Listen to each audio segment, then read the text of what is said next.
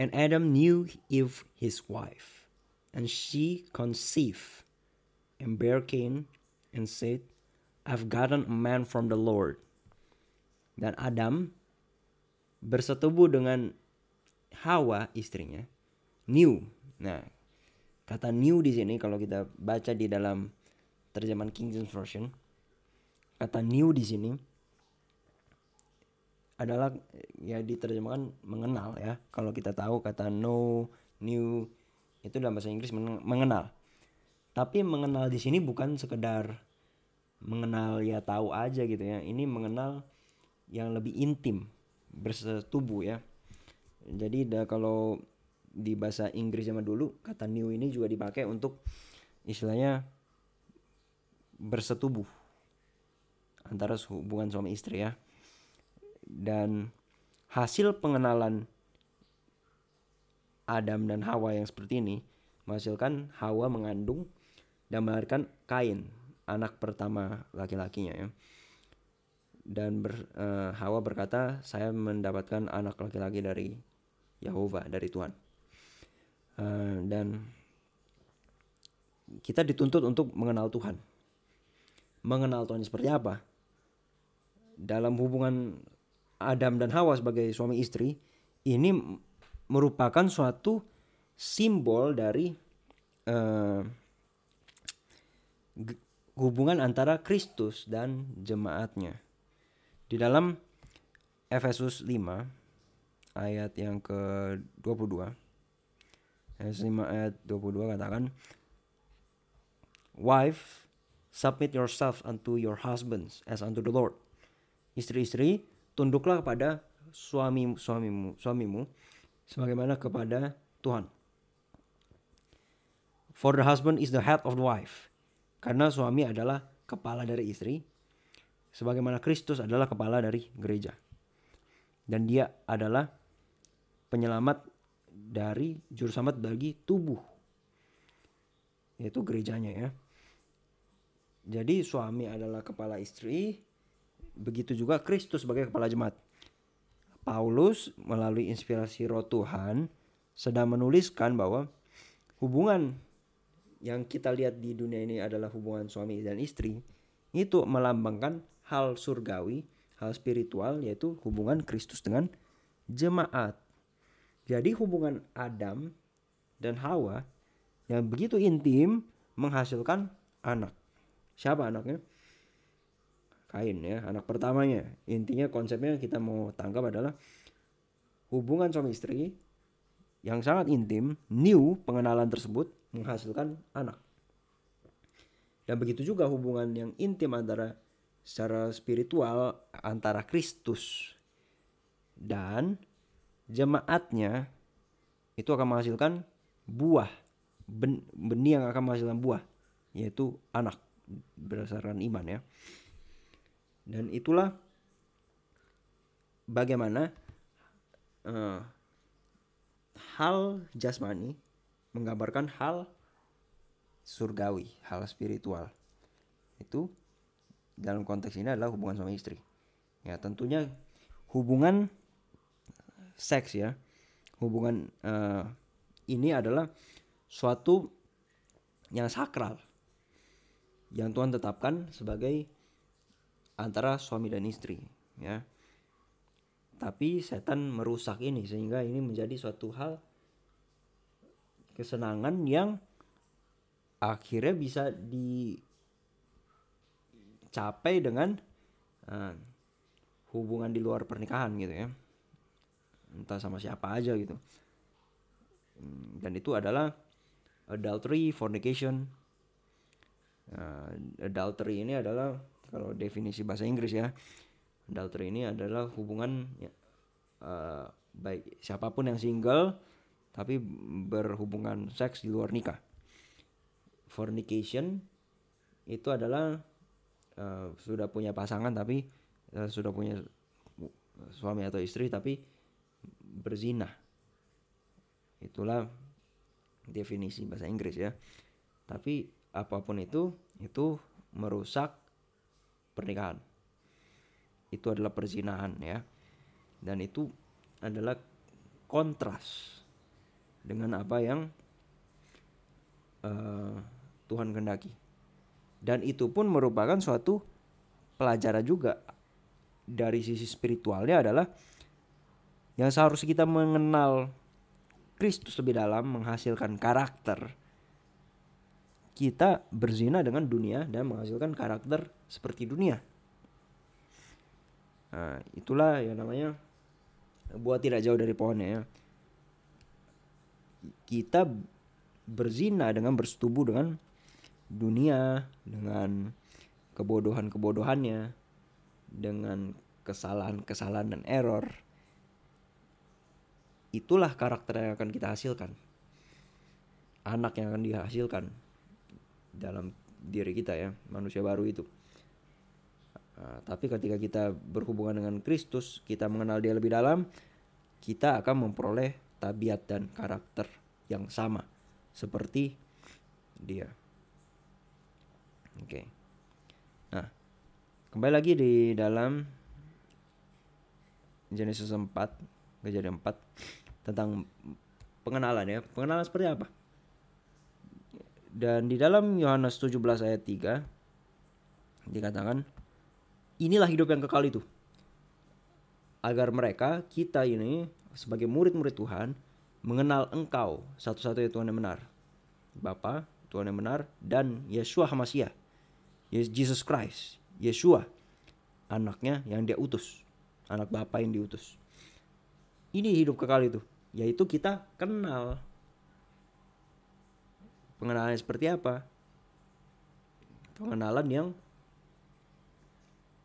intim bukan hanya sekedar sekedar tahu oh Tuhan itu menyelamatkan saya Tuhan itu baik semua orang bisa bilang begitu ya tapi apakah kita sudah alami sendiri bagaimana baiknya Tuhan bagaimana kita berjalan dengan Tuhan setiap hari bagaimana Tuhan yang memelihara mengampuni kita dan itu menjadi suatu sukacita buat kita. Pernah nggak kita alami itu? Kalau kita belum alami itu, kita tidak kenal dia ya. Dan apalagi tanda kita kenal, betul-betul kenal. Satu Yohanes 2 ayat 4 katakan, ada kita baca dari ayat 3 dulu lah.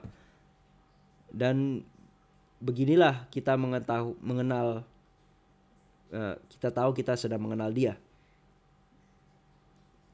Jikalau kita memelihara perintah-perintahnya. Wah, oke apa tanda kita kenal uh, Tuhan? Kita kenal uh, Kristus sebagai Adam kedua, yaitu dengan menghasilkan kita memiliki karakter yaitu memelihara perintah-perintahnya. Apa saja perintah Tuhan? Terma uh, termasuk 10 hukum ya, jangan ada berhala-berhala lain.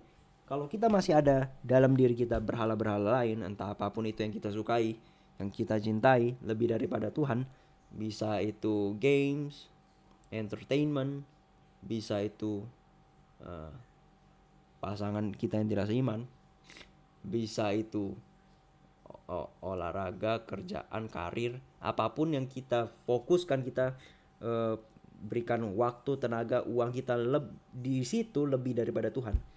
Itu sudah jadi berhala kita saudara-saudara. Itu sudah jadi berhala kita. Dan kita sedang menyembah ilah lain yaitu akarnya kembali lagi siapa yang kita sembah? Diri. Setan lagi yang disembah-sembah juga akhirnya dimuliakan bukan Tuhan. Sabat sabat termasuk perintah Tuhan juga ya. Dan kalau kita gali lagi 10 hukum itu semua masih berlaku ya. Dan kita harus hidupkan secara spiritual dan jasmani juga ya. Nah, ayat 5 tapi baru siapa menuruti firmannya di dalam orang itu sudah komplit sudah sempurna kasih Tuhan itu.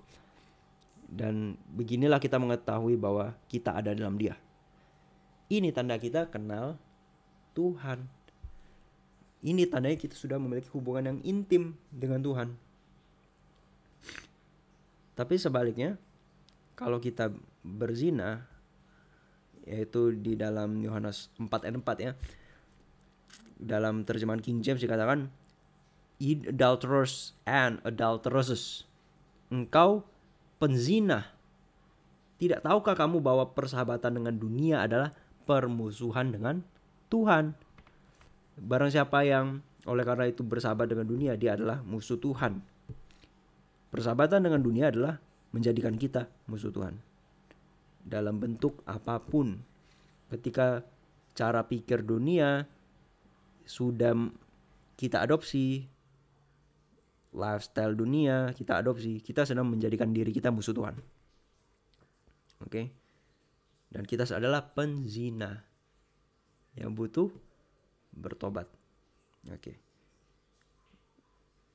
Jadi ada perempuan Samaria yang kita tahu karakternya nggak beres ya kalau kita baca di Yohanes 4 nah, nanti kita bisa baca lagi secara pribadi Yohanes pasal 4 cerita cerita perempuan Samaria yang ditemui oleh Yeshua di dekat sumur di saat Yeshua sedang haus-hausnya di jam yang sangat terik ya. Matahari sedang tinggi. Kalau dan pada saat itu Joshua tahu ya isi uh, background dari wanita ini dia yang saat ini tidur dengan wanita itu bukan suaminya. Dan dia sudah pernah uh, lima kali menikah ya sebelumnya. Kalau tidak salah oke. Okay. correct me if I'm wrong. Uh, dan wanita ini simbol wanita yang sudah berzina. Sudah sangat cemar. Tetapi waktu dia bertemu dengan Yesua yang mana Yesua datang ke dunia ini bukan untuk kondem ya tapi untuk menyelamatkan orang berdosa keluar dari dosa bukan menyelamatkan di dalam dosa ya harus di notes sekali lagi di situ dia menyelamatkan orang keluar dari dosa nah uh, wanita ini meminum air hidup tersebut dan dia mengalami suatu proses terlahir kembali. Dia bertemu dengan juru selamat, dia ditarik keluar dari dosa. Dia diberikan air hidup dan dia yang menerima air hidup itu akhirnya menjadi saluran air tersebut, air kehidupan tersebut. Dengan dia memberitahukan kepada orang sekampungnya bagaimana luar biasanya dia bertemu dengan Yesua, sang Mesias yang diharap-harapkan, yang sudah dinubuatkan, yang sudah mereka tunggu-tunggu. Dan akhirnya wanita ini menjadi channel bagaimana Tuhan bisa dimuliakan. Inilah wanita ini adalah bagaimana karakteristik orang yang sudah dibenarkan oleh iman. Kita semua sudah berzina, saudara-saudara. Kita semua sudah berzina. Kita semua sudah bersetubuh dengan dunia ini. Bersetubuh artinya adalah menjadi satu, satu tubuh. Kita semua sudah konsep pemikiran kita sama dengan dunia. Lifestyle kita sama dan uh, kebrutalan kita sudah sama gitu dengan dunia sudah kalau misalnya di foto uh, identical twin gitu ya kembar yang sangat identik nggak bisa dibedain kita dengan dunia. Kita sudah berzina dengan dunia sekecil apa pun itu. Dan kita sedang dipanggil Tuhan untuk keluar dari sana untuk lahir kembali gitu. Rahab wanita yang sudah hidupannya pelacur gitu ya di uh, hampir sepanjang hidupnya waktu dia terima pekabaran ada dua saksi. Siapa dua saksi? Ini adalah simbol dari Alkitab ya. Perjanjian lama perjanjian baru law and prophets hukum dan kitab para nabi Musa dan Elia. Ini adalah simbol dua saksi, pekabaran, hukum dan para nabi. Yang diutus untuk mengajar kita, menyatakan kesalahan kita, mengkoreksi kita. 2 Timotius 3 ayat 16 kan. Seluruh Alkitab berfungsi untuk doktrin, mengajar, memperbaiki kelakuan, mengkoreksi kita, instruksi dalam kebenaran. Untuk menegur kita. Dan tujuannya adalah kita yang berdosa ini yang sudah berzina ini ditegur. Dan kita lah rahab itu. Yang akhirnya dia sembunyikan dua saksi ini di rumahnya, dua dua pengintai ini di rumahnya. Dan akhirnya pada saat tembok Yeriko diruntuhkan, dia yang selamat berserta sisi keluarganya. Oleh karena iman Rahab, dia terima dua saksi tersebut. Dia, ke, dia dengar pekabaran tentang Tuhan yang benar dan dia menjadi penyembah Tuhan yang benar sejak saat itu. Kita dipanggil untuk seperti itu saudara-saudara. Kita yang tadi sudah berzina dipanggil untuk kenal Tuhan yang benar, tinggalkan manusia lama kita dan sekarang menikah dengan Kristus, hidup baru. Luar biasa ya, kebaikan Tuhan kita mau menerima kita. Ini digambarkan dengan kisah Hosea yang disuruh mengambil si Gomer. Wanita yang sundal gitu loh. Wanita yang sundal. Kita pasti kalau sebagai laki-laki ya mau menikahi yang baik-baik ya. Bahkan kalau kita uh, ngobrol sama orang-orang yang bad boys atau fuck boy atau yang hidup uh, biasanya suka cari macarin yang bad girl ya tapi mau menikah dengan mayoritas kalau kita tanya mau menikah dengan good girl good woman. Itu very very aneh ya. Sangat-sangat aneh kalau saya ngobrol dengan beberapa orang seperti itu. Kalau pengen macarin pengen ngajak jalan wanita yang uh, semok gitu ya yang yang mantep lah secara appearance secara penampilan. Tapi kalau ditanya mau nikah sama mau nikah sama siapa kita mau nikah dengan yang baik-baik gitu. Lucu banget gak tuh?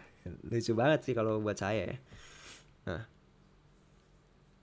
Dan itulah pengalaman Hosea gitu. Hosea disuruh menikah dengan mengambil Gomer wanita sundal. Dan pengalaman Hosea ini adalah menggambarkan bagaimana Tuhan yang sudah begitu mengasihi kita ya mau mengambil kita yang sudah dalam perzinahan ini. Tapi mengambil kita dalam perzinahan ini adalah supaya kita berhenti gitu loh. Bukan supaya kita sudah diambil zina aja terus. Nggak gitu ya saudara-saudara. Sekali lagi Tuhan memanggil datang ke dunia ini Yeshua datang ke dunia ini untuk memanggil orang berdosa kepada pertobatan itu harus digarisbawahi bukan hanya dipanggil orang berdosa ya tapi ada kalimat selanjutnya kepada pertobatan apa artinya pertobatan teshuva dikembalikan ke rancangan semula gitu loh. Nah, kembali lagi soal mengenal ya. Mengenal secara intim. Apa hasil dari mengenal secara intim? Hmm. 1 Yohanes 3 ayat 6 katakan, Siapa yang tinggal di dalam dia, di dalam Kristus, tidak berdosa barang siapa yang berdosa tidak melihat Kristus, tidak melihat dia dan juga tidak kenal dia. Jadi kalau kita masih berbuat dosa, kita masih tidak kenal Kristus gitu. Kita bisa koreksi diri kita masing-masing, uji diri kita masing-masing, uh, review kehidupan kita, masih buat dosa nggak? Kalau masih buat dosa, kita masih tidak percaya bahwa Tujuan Yesus datang ke dunia untuk selamatkan kita keluar dari dosa. Dan dia sanggup untuk lakukan itu. Dan karena ketidakpercayaanlah kita masih bikin dosa terus, kita tidak kenal Dia. Kita masih belum menikah dengan Kristus. Dan panggilan untuk kita semua yang ada di sini yang mendengarkan uh, podcast ini, mari kita untuk keluar. Sadari kondisi kita dulu. Pertama, step pertama adalah sadari kondisi kita, kita sudah berzina, kita sudah berdosa, kita sudah bersatu dengan dunia, kita miskin buta dan lanjang kita sudah diperkosa habis oleh kebodohan dunia ini dan kita mau keluar. Dan jikalau kita merasakan conviction itu keyakinan itu Roh Kudus sudah menjamah hati kita. Dan jangan keraskan hati kita. Dan marilah kita datang sebagaimana kita ada kepada juru selamat kita. Kita mau kenal dia lebih dalam, bagaimana cara kita kenal dia? Dengan doa yang sungguh-sungguh, dengan belajar firman Tuhan lebih sering lagi setiap hari. Sebagaimana kita butuh makan setiap hari, makanan jasmani, kita makan dua kali sehari bahkan, bahkan lebih, ada yang tiga kali sehari. Begitu juga kita membutuhkan makanan firman Tuhan. Manusia tidak hidup dari roti saja, tapi dari setiap firman yang keluar dari mulut Tuhan. Ada nggak kita mencari firman Tuhan seperti kita mencari makanan jasmani sehari-hari? Yang mana kita cari terlebih dahulu? Itulah harus menjadi perenungan kita. Begitulah kita mengenal Tuhan, berjalan bersama Dia. Apa pun yang Tuhan sudah ungkapkan, kita berdoa pada Tuhan, Tuhan saya mau turuti ini dan Tuhan akan mampukan kita untuk menurut. Tuhan berikan kuasa untuk kita taklukkan dosa. Inilah pengalaman yang harus kita miliki, saudara-saudara. Inilah pengalaman yang harus kita minta sama Tuhan untuk punya pengalaman ini. Menang atas setiap kebiasaan-kebiasaan buruk kita. Mungkin ada dari kita yang punya kebiasaan buruk, entah itu zina kah, entah itu kita suka mabok kah, entah itu kita suka minum-minum, makan yang nggak sehat, entah kita suka um, merokok, entah kita suka menyembah berhala-berhala masing-masing kita, apa pun itu musik, entertainment, film, anim, drakor, dan apa pun itu, sinetron mungkin, gosip mungkin. Mari kita tinggalkan itu. Datang kepada Kristus, sadari kita sudah begitu dalam melakukan perzinahan. Come out of her and touch not the unclean. Jangan jama lagi. Datang. Belajar kita mencintai juru selamat kita. Dan janji Tuhan kita akan ketika kita punya hubungan intim ini kita akan menghasilkan manusia baru. Kita akan menjadi manusia baru. Kita terlahir kembali sebagai anak-anak Tuhan yang tidak bernoda dan tidak bercacat. Dan dengan kuasa yang sama, Tuhan mau berikan untuk kita bisa tetap bersih sampai dia datang. Itulah doa dan pengharapan kita. Dan Tuhan memberkati. Hai, gimana terberkati nggak dengan podcast kali ini? Jangan lupa untuk share podcast ini sebagai salah satu sarana untuk menyebarkan Injil kepada seluruh dunia.